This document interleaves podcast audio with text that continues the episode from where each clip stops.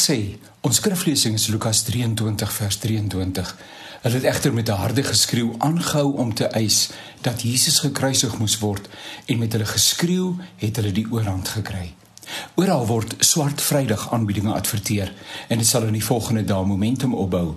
Swart Vrydag is die eerste keer in 2012 in Suid-Afrika aangebied en bekend gestel, maar dit sedertdien gegroei tot 'n volskaalse winskoop jagtery. En is veral Kersgeskenke waarna gesoek word. Of alle aanbiedinge inderdaad winskoopies is, is te betwyfel. Pryse het die afgelope tyd so eskaleer dat 'n mens skaars kan byhou. Ek wonderstellig uh, of dit nie net die eskalasie is wat skielik weggeneem word en dan het jy daar met 'n winskoop te doen nie.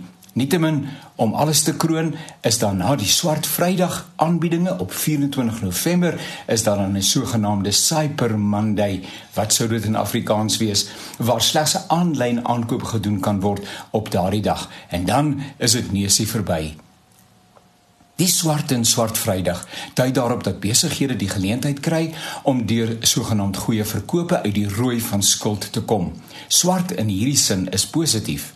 Die hele swart Vrydag aangeleentheid herinner aan nog 'n baie betekenisvolle Vrydag in die geskiedenis. Die Vrydag toe die seun van die mens aan 'n kruishout genaal is vir onverdiende en onverdienstelike sondaars.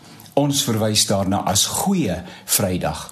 Maar vir Jesus was dit in 'n sekere sin 'n swart Vrydag. As 'n mens swart in hierdie onheilspellende konteks wil gebruik. In oordragtelike sin was ons in die rooi, diep in die skuld by God maar Jesus het ons skuld uitgedelg en ons met sy Vader versoen. Ons roeping op aarde is om mense deur ons lewe en optrede op te roep om by God drie-enig te kom koop wyn en melk sonder geld of teen prestasie. Al wat van ons verwag word is om in en uit dankbaarheid vir God en ons medemense te leef. Is jy al uit die skuld uit?